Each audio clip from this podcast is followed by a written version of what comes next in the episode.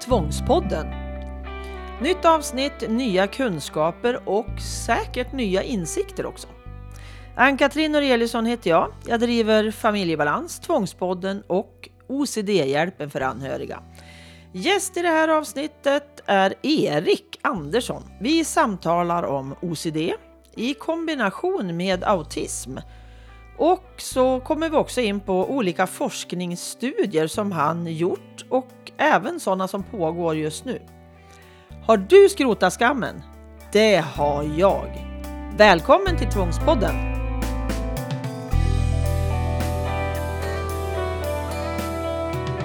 Hej Erik! Hej! Och välkommen till Tvångspodden! Tack! Idag så ska vi ju prata om OCD autism. Japp. Lite om dina studier. Mm. Och så får vi se om vi hinner något mer. Kul! Men allra först vill jag att du berättar, vem är Erik Andersson då? Ja, Erik Andersson, det är ett väldigt vanligt namn. Mm. Eh, jag är eh, psykolog, eh, jobbar, numera jobbar jag en dag i veckan på OCD-programmet på Huddinge sjukhus eh, kliniskt. Mm.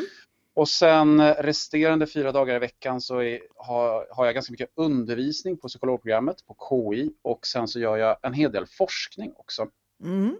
Jag, eh, faktiskt idag är min liksom sista dag i tjänst för sen ska jag vara föräldraledig i nio månader Oho, vad mysigt! med eh, Ivar som är sju månader. Ah. Eh, så han är vårt tredje barn. Ja, Eh, jag fyller 40 om två veckor och jag har inte fått någon kris ännu. okej. Nej. Det är inte säkert den kommer. Jag tycker det blir mindre och mindre kris ju äldre jag blivit faktiskt. Ja, eh, så kan det faktiskt vara. Mm, jag tyckte det var värre när jag fyllde 30 faktiskt. Ja, ja. 60 var inte alls lika hemskt. Nej, bra.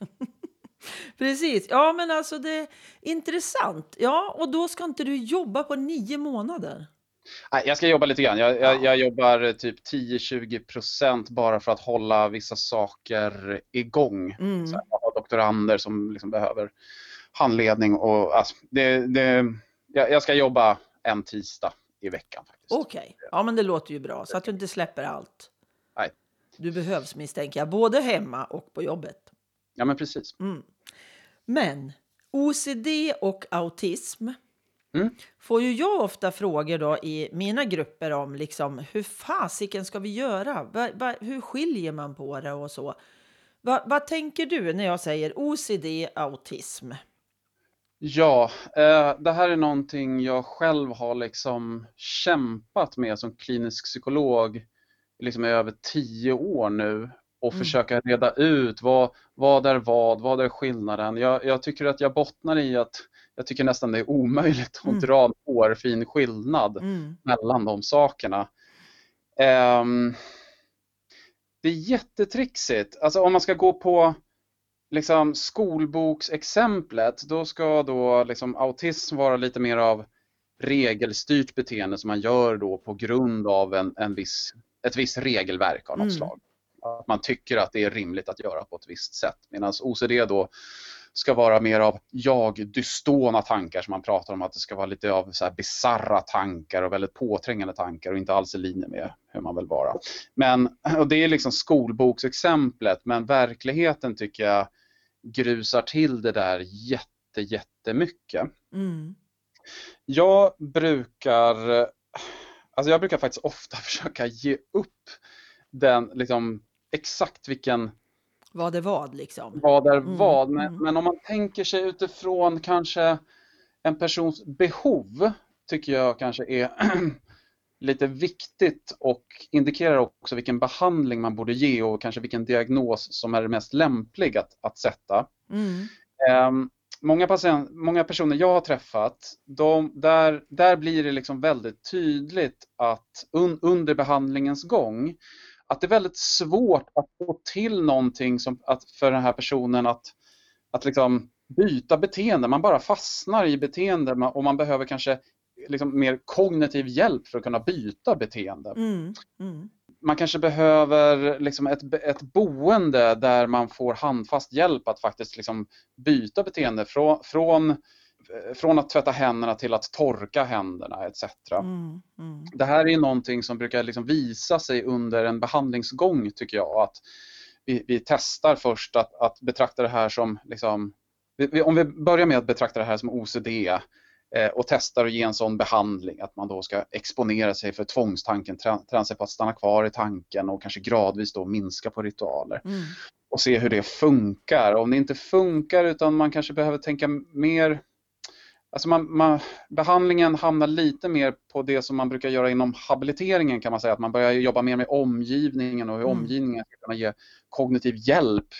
Och, eh, då, då, då, då, är väl, då, då brukar jag i alla fall tänka att då, då är vi mer inne liksom i autismspåret. Men det här är Mm. egentligen bara hur, hur liksom en behandling går till. Mm, Men mm.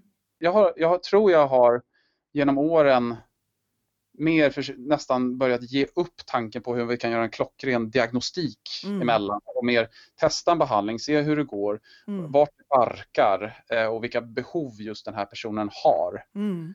Och jag tänker också det här med, alltså ibland så verkar det som att det är svårt att veta, alltså för personen då som har OCD-autism, säger vi, Mm. eller bara OCD också för den delen, att det är svårt att veta, ja men hur gör andra då?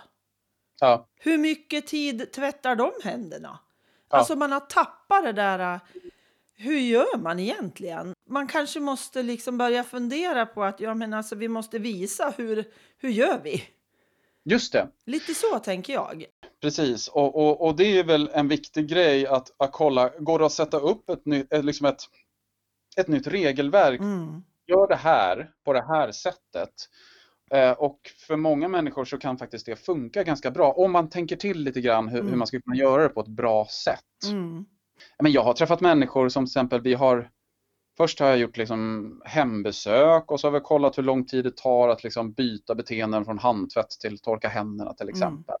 Eh, och sen har vi spelat in faktiskt Mm. där jag liksom säger så här, nu är du klar med det, nu sätter Mm. du igång med det. Alltså att varenda gång den här personen till exempel har varit på toaletten ska tvätta händerna så sätter den igång mobilen där min röst finns och så fungerar jag lite som ett hjälpmedel till att byta beteenden så att säga. Mm. Mm. För jag tänker ju också, det kan ju också ge mig lite vibbar på det här med att det är ett säkerhetsbeteende. Alltså det är ju också svårt att dra gränserna emellan det, tänker jag. Ja, det är det. När jag, eh, jag har en, eh, en tentafråga för psykologstudenter termin 7. Mm. Eh, vad är ett säkerhetsbeteende? Mm. Och jag brukar säga att ett säkerhetsbeteende det är alltid en empirisk fråga, det vill säga vi kan aldrig på förhand veta vad som är ett säkerhetsbeteende och inte ett säkerhetsbeteende. För en del människor så kan att en, att en annan människa går in och hjälper till, det kan bli ett säkerhetsbeteende, Mm, absolut. mm. För andra människor så behöver det inte alls bli det, utan det är en nödvändig Mm. kognitiv hjälp för att kunna faktiskt byta beteende. Mm. Mm. Så, så att jag, jag tänker mig att man ska, man ska förhålla sig undersökande till vad ett Mm. säkerhetsbeteende är. Vi kan aldrig på förhand säga att det här är ett säkerhetsbeteende Nej. eller det här är inte ett säkerhetsbeteende. Nej. Jag tänker mig faktiskt att precis allting kan bli ett säkerhetsbeteende. Utan Mm. Det är någonting som man behöver undersöka tillsammans. Precis, en kärleksfull nyfikenhet tänker jag. Att Ja. jag liksom är nyfiken för att liksom kunna hjälpa i andra änden. Ja, Ska ju mycket av behandling och även då hur man förhåller sig hemma, tänker jag. Som Just anhörig då. ja Att, att, eh, och att det är inte enkelt. verkligen. Men, och det, det, för det är väl väldigt viktigt, alltså, för jag får ju oftast fråga vad exakt ska man göra? Och Mm. jag, jag ger alltid så diffusa svar på den frågan. För att eh, det blir alltid så här, det blir klassiskt psykologsvar, det beror på. Mm, mm, Men att till exempel gå in och liksom hjälpa en person att byta beteende och liksom sätta upp ett nytt regelverk. Det kan, det kan mycket väl bli en återförsäkran för vissa människor. Men det mm. behöver inte alls bli det för andra människor. Eh, och, och Det viktiga här är att fråga sig själv, vad, vad är beteendets funktion? Är det bara att lindra ångest eller hjälper det faktiskt personen att komma vidare i vardagen så man faktiskt kan göra saker som man uppskattar i livet istället? Mm, mm. Precis, det är jättekomplext, hela det här temat, tänker jag. Ja, Och, de är, och det är ju jättevanligt att man har överlappande diagnoser, att jag har inte bara en, liksom, utan det florerar fler diagnoser i ens liv. Absolut. Tänker jag. Så att det, det, finns ju andra kombinationer också, tänker jag. För Tourette och OCD är ju också en sån här ofta kombinerad, två kombinerade diagnoser. Just det. Där det också kan vara lite problematiskt att skilja vad som är vad. Verkligen. För det ser jag ju på min son som har då, han har ju både autism, OCD, Tourette och ADHD. Så att det är ganska komplext, hans mm. problematik. Och det är jättesvårt för honom också. Men han har blivit, nu är ju han 30, så han har mm. ju verkligen levt med sina diagnoser länge. Och eh, han kan idag beskriva lite mer att ja, men det här är nog Touretten och det här är OCD. För vi har ju pratat så otroligt mycket mm. runt mm. vad som är vad och hur han gör och hur jag ska göra och allt möjligt sånt där. Och jag tror ju också det här med att våga prata om den här problematiken är jätteviktig. Ja. Att inte Just. göra det till ett helt jädra tabu alltihop. Att det här är så hemskt det här kan vi inte prata om. Nej, just det. Jag. Men jag avbröt dig lite där med OCD och Tourette. Jag hörde att du tänkte säga något, men jag hade så bråttom. jag, jag, jag, tycker, för jag tycker det här är väldigt intressant. Att man ska, man ska också, så här, man, man, får också ha lite så här eh, ödmjukhet inför, vår, inför de här diagnosernas begränsningar också, mm. tänker jag mig. Att, eh, en Alltså, jag, jag har ju träffat många människor som liksom har samma diagnos men deras problematik är så oerhört annorlunda. Verkligen. Eh, man kan, man kan ju ha det man kallar för not just right OCD då till exempel, att man inte alls har några tvångstankar utan det påminner faktiskt mycket mer om kanske tics eller mm. Tourettes mm. på, på väldigt många sätt. Och sen kan man träffa en annan person som, som istället har tabutankar till exempel. Och de, liksom, det är samma diagnos men jag tycker mm. att problematiken ser väldigt annorlunda ut. Ofta ser liksom, interventionerna ser ändå lite annorlunda ut eh, och hur, hur, man ska kunna närma sig de här problemen. Så att, jag tänker mig att en, en diagnos det är en, det är en bra och rimlig sammanfattning av ungefär vad det är som besvärar en. Mm. Ja, man säger, om man tänker sig, alltså begreppet OCD är ju enorm vidd i. Ja, Alltså verkligen. det spretar ju åt alla jäkla håll om man säger så. Ja. Så att, men, men hur, hur om man tänker sig en, en behandling, när du träffar patienten mm. första gången, vad gör du då? Um, det första jag brukar kolla av det är, är det så att den här personen har den här personen tydliga katastroftankar? Det, det brukar vara liksom någonting jag fiskar efter väldigt mycket i mm. början. Har du något exempel? Ja, för om man jag kan träffa en person till exempel som, som kontrollerar eh, spisen jättemycket. Och Eh, och jag kan, eller jag kan träffa två personer som kontrollerar spisen jättemycket. Mm. Och i det ena fallet så kan det vara så att man kontrollerar spisen för att man är rädd att starta en eldsvåda och att grannarna ska brinna upp och att man orsakar liksom andra människor mm. genuin mm. skada. Mm. Och, och, det är ju liksom lite det här, det, det, är liksom vår, jag brukar kalla det för core feature av OCD. Det är liksom det som liksom den klassiska mm. beskrivningen av OCD är ändå att man får katastroftankar som har liksom en moralisk innebörd här också. Mm. Att man ska råka åsamka skada gentemot andra på något vis. Vara oaktsam och sånt där. Mm. Eh, och, men sen kan man träffa en person också som kanske kontrollerar spisen men för att man inte vill att ens skivsamling ska brinna upp till exempel. Eller något sånt där. Och man kanske inte tycker att eh, det är så orimligt med de här kontrollerna heller. Nej. Eh, och det kan leda till två helt olika interventioner. I det första fallet, om man verkligen, om man verkligen besväras av katastroftankar, det brukar vara liksom ganska bra tecken för det betyder att då kan vi exponera för de tankarna. Då, då kan vi vara ganska kreativa i hur vi gör eh, olika interventioner. Vi kan komma på olika, vi kan utsätta personen för olika slags situationer där man får tanken, tänk om jag har gjort ett misstag och gjort skada gentemot andra. till mm, exempel. Mm, mm. Det måste inte vara just de problemsituationerna som i vardagen utan det kan vara lite vad som helst som startar igång de tankarna och träna sig på att stanna kvar i de tankarna. Så då mm. har man en man kan säga så här, då har man en gemensam nämnare och det är man har kanske hundra olika problemsituationer men man har en och samma liksom, tema på tanke. Och då kan vi hela tiden fokusera behandlingen på att man ska kunna stanna kvar och, och låta den tanken vara. så att mm. säga. Mm. Eh, det brukar, så jag brukar alltid leta väldigt mycket för här, finns det katastroftankar som är liksom återkommande i alla hundra olika situationer som man Mm. besväras av. Eh, och då brukar, det, då brukar det underlätta behandlingen väldigt mycket om man har ett och samma, liksom, om man har tydliga katastroftankar som återkommer i en massa olika situationer. Men sen kan det vara andra, eh, en del andra människor som kanske de, besvär, de tycker att det är jobbigt. Eh, de vill inte de vill kontrollera spisen för att de inte vill att skivsamlingen eh, Mm. rinner upp och sen kanske de har ett annat regelverk i någon annan situation och de är lite så här, hur ska man säga, eh, de slåss, de kämpar själva lite grann med motivationen för de själva tycker att det är rimligt också Ja, på ja. ett plan att göra kontroller och, och då kan interventionen se lite annorlunda Mm, ut. Kanske det mm. mer handlar om att vi försöker hitta vad, vad vore ett, ett funktionellt sätt för dig att, att eh, liksom hantera de här situationerna. Mm. Då kanske vi inte dammar på så jättemycket med exponering, renodlad exponering, utan då försöker vi hitta mer funktionellt sätt. Mm.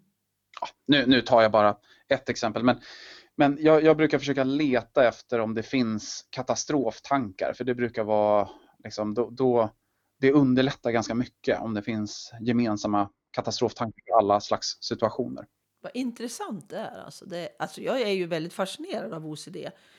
Ja. Genom att jag har sett det på så nära håll och, och ser hur det begränsar och att det ändå Just går att påverka.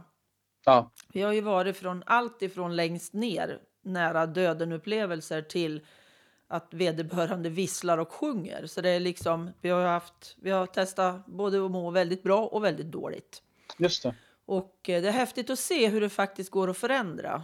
Mm, Och mycket i sjukdomsinsikten, tänker jag, att när insikten har kommit att det är verkligen så här, har det varit Mm. lättare för då min son att ta tag i de här problemen. Att exponera sig och så, när han verkligen har känt att ja, men jag får väl dö då. Så Ja. lugn på rösten har han nog inte varit inne i sitt huvud då. Men Nej. det är ju först då det verkligen har tagit den här exponeringen liksom. Jag tycker du är inne på någonting som, någonting som jag tycker är oerhört centralt. Det är att det är personen själv som måste liksom hålla i tyglarna här. Mm. Eh, nästan nidbilden av KBT för tvångssyndrom det är liksom att man tvingar ut någon på Mm. att ta på hemska, äckliga saker.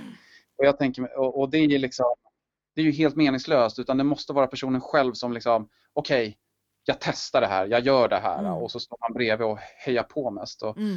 och och det är ju så oerhört centralt. Det finns liksom ingen, finns ingen behandling i världen som kan hjälpa om, det, utan, om inte personen själv liksom vågar ta steget. Nej. Och då blir det ju problem med barn, tänker jag.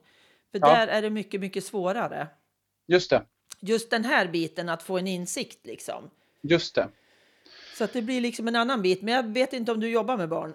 Nej, jag ska säga, jag ska säga det också att, att det, det, jag, det jag precis sa kanske inte gäller till, till barn så Nej. mycket. Jag jobbar i vuxenpsykiatrin Ja. Precis. Och det, det är olika. Det, alltså det, barn är en fördel på ett vis. Att jag som förälder kan bestämma på ett helt annat sätt. Just Jag kan sätta gränserna. För jag tyckte det var enklare så länge min son inte var vuxen och hade flyttat hemifrån. Nu kan jag inte alls sätta gränserna på samma sätt som när Mm. han var barn.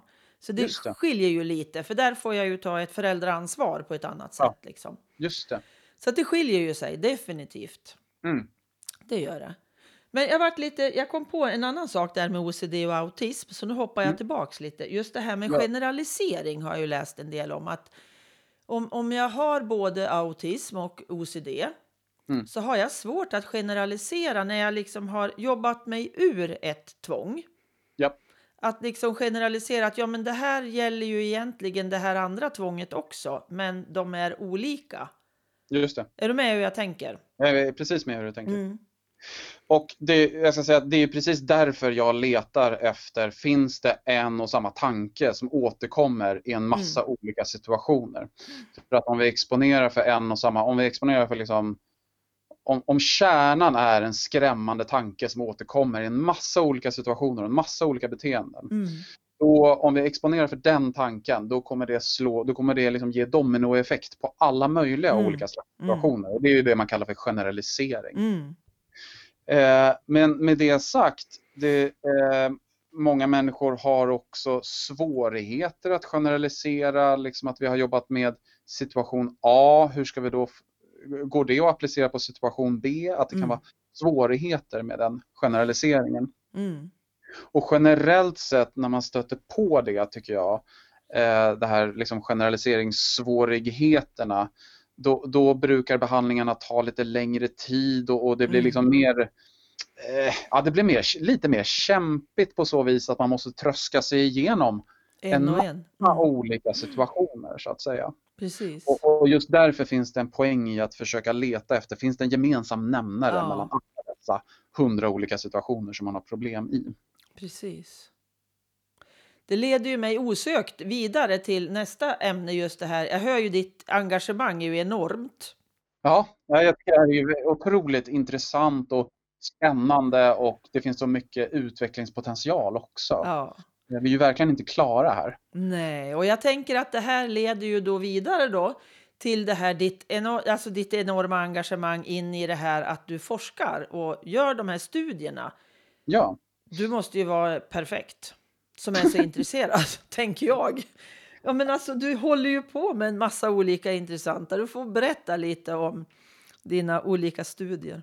Ja, men jag ska berätta att alla mina studier, eh, de gör jag för att jag upptäcker hur dålig jag är eh, på vissa saker. Eh, intressant. Ja, men ofta så är det så här att jag, jag jobbar kliniskt och så, och så känn, upplever jag så här, gud vad, vad dålig du är Erik, varför, varför kommer du inte framåt med det här för? Varför, varför liksom lyckas du inte med den här patienten för? Och, och ibland så finns det vissa, så är, och då är det vissa saker som är liksom återkommande. Och då börjar jag tänka så här, men gud, går det att göra det här på något annat sätt? Och, och det är oftast då jag kommer på en forskningsidé. Mm.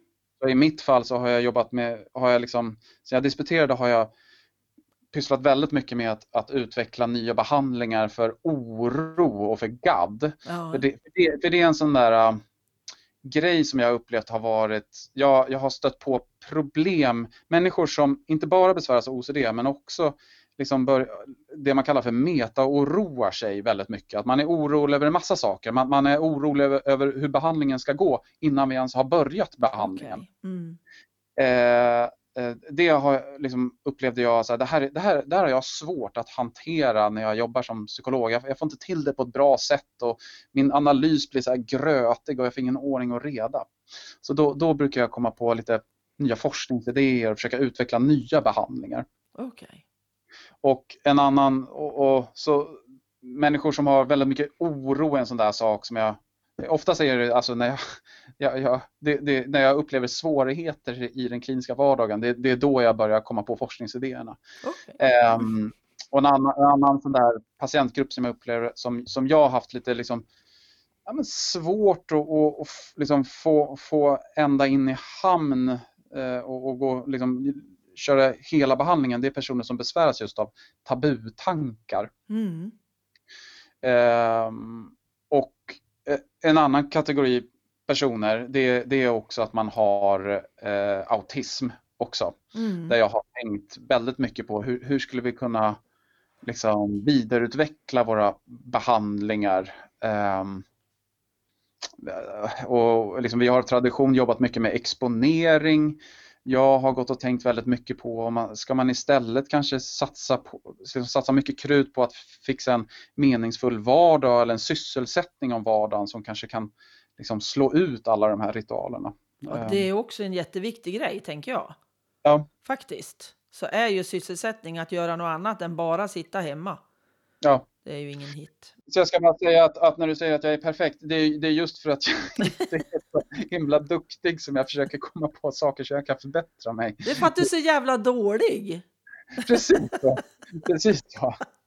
Nej, inte alls så. Ska, så ska man ju inte tänka egentligen att jag är så jävla dålig. Men det är ju häftigt att det, du, du, du vill ju vidare. Det vore ju fler faktiskt, tänker jag, som skulle behöva tänka det ibland. Att jag kanske ska utvecklas Ja, och hitta på något annat. Varför går inte det här bra för mig? Det Ja. är ju inte så dumt. Så, ja. Men ta något exempel på tabutankar. Va, va, hur kan de låta? Ja, men ett klassiskt exempel för tabutankar då, det är ju eh, Alltså det klassiska skolboksexemplet det är till exempel att man har fått en, en liten bebis. Eh, och då får man tankar om att man kanske förgriper sig sexuellt på den bebisen eller skär halsen av den bebisen. Mm.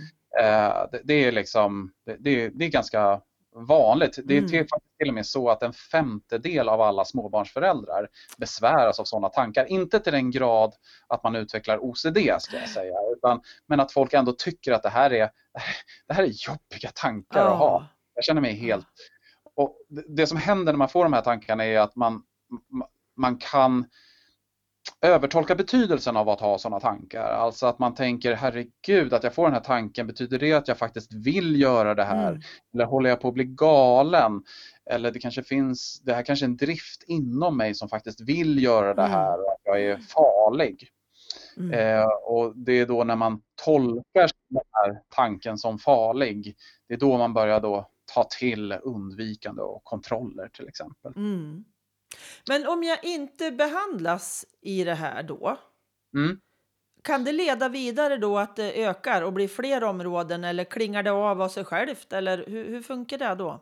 Det är väldigt intressant faktiskt. Det kan gå över av sig självt i perioder men, men det är oftast så att det kommer tillbaka. Eh, och det kan komma tillbaka på grund av en depressiv svacka eller det kan vara en annan livshändelse eller någon annan faktor också. Mm. De, men jag ska säga att och det har gjorts så här förbluffande lite forskning kring eh, småbarnsföräldrar. Hu- Hur, liksom, hur länge kvarstår de här tankarna? Eh, och det är någonting som, som vi skulle vilja forska vidare på och undersöka så här, hur, hur går det med de här tankarna Mm. ö, över tid? Om jag ska bara eh, gissa, alltså jag är ju trebarnsförälder själv, Mm. eh, så tycker jag att eh, det var värst med första barnet, blev lättare med andra barnet, tredje barnet så bryr jag mig inte om de här tankarna längre. Nej. men, men det är mer min gissning, men det Ja. har faktiskt inte gjort så mycket forskning kring det här. Är du på väg att göra någon sån forskning? Ehm, ja, vi ska faktiskt göra en, vi, vi har gjort en eh, eh, vi har gjort en pilotstudie nu för personer som besväras av tabutankar. Och det vi planerar nu faktiskt, det är jag och min doktorand Clara Lauri, eh, det är att vi ska göra ett, vi brukar kalla det för ett så här psykologiskt egenvårdsprogram för föräldrar. Mm. Ehm, och det här är faktiskt helt utan, terapi, helt utan psykolog och terapeut, utan det här är någonting som vi tänker oss att, men mer som en folkhälsointervention, att, att alla föräldrar som tycker att det är som besväras av sådana här tankar, de kommer tillbaka och man tycker att det är jättejobbigt och försöker slå bort de här tankarna och att man, man blir rädd för de här tankarna. Mm. De ska kunna eh, få då ett, det är som en internetbehandling fast det är helt utan terapeutstöd och helt själv. Man ska kunna Mm. liksom gå igenom det här programmet helt på egen hand. Okej. Eh, och, och det här är ju, den här, det, det vi tänker oss här, det, är, det här är kanske inte till för de som liksom har svår OCD, utan det här är mer till, jag vill, dels är det till för föräldrar som besväras av det, men jag tänker mig att det finns en, jag, jag vill också gärna liksom öka kunskapen i samhället om Ja. påträngande tankar och hur man ska hantera jobbiga påträngande tankar. Ehm, f- för jag tänker mig att mycket av det som liksom, vi har de här psykiatriska diagnoserna och det betraktas som någonting sjukligt i medicinsk Mm. mening. Men jag, jag skulle också vilja slå ett slag för att det här är ett fenomen som liksom alla människor har och för vissa så går det överstyr och det är det vi kallar för diagnoser. Men Mm. det är inte så att det här är något liksom, virus som finns i, i, i vissa människor men inte andra människor utan det här är ju liksom allmänmänskliga kognitiva processer. Som jag, Mm. Tänker jag att överhuvudtaget alla de här tankarna som finns hos en person som har OCD också. Det är ju sånt där knäppt som vi tänker allihop. Bara Ja. det att de flesta av oss bara tänker att herregud vad dumt. Men det gör ju inte den med OCD. Den går Nej. ju in i det. Men jag gör ju inte det liksom. Så Just det. jag tror vi har dem allihop. Och lika då det här med att skada sitt barn och alla de här. Det är ju väldigt allmänmänskligt om man säger så. Japp, det är det ju verkligen. Så att det är väl fantastiskt om det kan finnas en, en självhjälpsmöjlighet alltså. Ja, ja men vi, vi hoppas ju på det här. Jag, jag håller på att skriva så här anslagsansökningar nu att vi ska kunna få pengar för en sån här studie. Men vi ska göra en liten, jag tänkte faktiskt att vi ska försöka göra en, komma igång och göra en liten eh, pilotstudie. Ja, får se om vi hinner under våren, kanske inte. Men, men till hösten så hoppas jag att vi har en, en studie igång i alla fall för småbarnsföräldrar. Mm. Bara för att se att det här funkar helt enkelt och att det finns ett sånt behov också. Mm. Ja, men precis, precis. Spännande är det. Ja, Men visst var det mer saker som du hade studier på och lite sånt och, och ute Ja. på Huddinge va? Var det något? Ja, men vi har, vi har gjort många studier. Vi har gjort, ja, men det, här, det här är en studie, jag har, projekt jag har igång kring tabutankar. Mm. Och sen nu, eh, jag har gjort mycket studier kring liksom, oro. Ehm, jag har, och då har jag testat liksom, eh, en studie för, för överdriven oro, en väldigt stor studie, eller jag flera studier egentligen, där vi har använt Olle Wadströms bok Sluta Mm. älta och grubbla, hur man ska Mm. kunna hantera orostankar helt Mm. enkelt. Och det här är ju relevant för personer med OCD men det är också relevant för en massa andra människor som kanske besväras av panikattacker eller Ja, socialpolitiska tankar eller, eller vad som helst. Jo, men allmän hälsoångest tänker jag man går för. Det kan Ja. ju jag gå runt liksom och fy fasiken, tänk om. Tänk om. Så det, på, alltså det påverkar mig lite grann, men inte jättemycket. Men det vore ju förbaskat skönt att bli av med det. Eller liksom kunna bara se, ja men ja, nu tänker jag det där igen liksom. Just det. Och ehm, sen nu under, under 2020 så har jag och min, min parhäst Tove Wahlund, vi gjorde ett så här, eh, psykologiskt självhjälpsprogram för människor som besväras av ohjälpsam oro kring covid-19. Ja, Eh, och, och den behandlingen har ju blivit implementerad i 1177 nu. I, ja, fin, den finns i flera regioner idag faktiskt som vem som helst kan liksom klicka sig fram och, och bara få, få den helt enkelt. Den, den är ju till för människor som just besväras av ohjälpsam oro kring covid-19. En Mm. viss oro kring, en, man kan också ha hjälpsam oro kring Mm. covid-19 tänker jag. Med att man blir orolig för någonting och så tar man till försiktighetsåtgärder som är bra. precis. Men det finns också många människor som, som liksom fastnar i oron och man kommer inte riktigt framåt. Och det är inte så att man tar till några särskilda försiktighetsåtgärder utan Jag man bara fastnar i orolig, ja. oro. Och sen på eh, Huddinge då så har vi också gjort, där har vi lite studier på gång. Vi ska göra en, en behandling för tics och Tourettes nu, internetbehandling. Mm. Vi har gjort en liten kort pilotstudie för personer med eh, autism och OCD. Eh, Den studien har blivit publicerad nu. Ehm, och den visade väl på, den, var liksom lite intressant för att vi, vi hittade väl inte en sån där, det blev inga pangeffekter av liksom, KBT för, för den här eh, patientgruppen. Det, det gav en effekt men Mm. den var, den var liksom inte, det var inte så att jag liksom trillade av stolen för att det var helt magnifika effekter om man säger så. det, finns, det finns mycket man kan göra för att hjälpa de här personerna ytterligare. Vart hittar man den studien? Den är publicerad i Autism, heter tidskriften. Oskar Flygare är första författare på det. Men, men jag har ju snöat in på att vi borde göra en studie där vi kanske erbjuder, alltså många personer som har autism och OCD, som jag har träffat i alla fall, de har liksom ingen meningsfull syssla på, på dagen. Och många personer jag har jobbat med där vi faktiskt har aktivt jobbat med att fixa till en, en meningsfull sysselsättning, det, det har liksom, jag har sett exempel på hur, hur liksom man går från sju, åtta timmar tvätt, tvättritualer om dagen till 20 minuter Mm. från en dag till en annan för att man har kommit igång och med en annan aktivitet som bara som, som är så viktig Mm. att man bara släpper på de där Mm. andra ritualerna som man lätt fastnar i annars. Mm. Det är så hoppfullt att höra sånt tycker jag. Ja, Verkligen. jag tycker att det vore värt att liksom testa det. Jag har bara inte 100 riktigt procent. kommit- Absolut. Jag har bara inte riktigt kommit mig för att skriva något anslag. anslag. Man behöver ju pengar för att göra sådana Ja, saker. men visst, visst. Är det någon som vill skicka lite pengar till dig då så du kan forska så kan de ju göra det nu. Precis. Det är ju så otroligt viktiga områden tänker jag. För Ja. just det här med sysselsättning, alltså alla tjänar ju på det. Ja. Både den som då, som många av dem som är då sjukskrivna från de är 29 år, som Mm. bara vill, alltså jag vill också bidra och betala skatt. Ja. Och liksom inte bara, jag vill inte leva på bidrag. Alltså det finns Nej. så fruktansvärt många av dem som Mm. skulle vara så hjälpta av att Ja. ha en sysselsättning. Både för Ja. sin egen del och för samhällets del, tänker jag. Men jag tänker också att det finns så många saker som liksom det, det är lätt att bara se människors liksom, liksom svårigheter Mm. tycker jag att, att ja, okej, man har autism, då, då, då betraktar man det som, som att man bara har massa svårigheter. Mm. Men det finns, så, finns så otroligt många möjligheter Mm. också. Alltså, jag har ju träffat människor som kanske har, har liksom specialintressen kring vissa saker. Mm. Till exempel. Att man har snöat in på en viss sak och man är och man kan göra utmärkta liksom, arbetssysslor som ligger inom ramen för det. Om man är intresserad av ett, inte vet jag, om man är intresserad av eh, en viss fågelsort, nu hittar jag bara på någonting. Mm.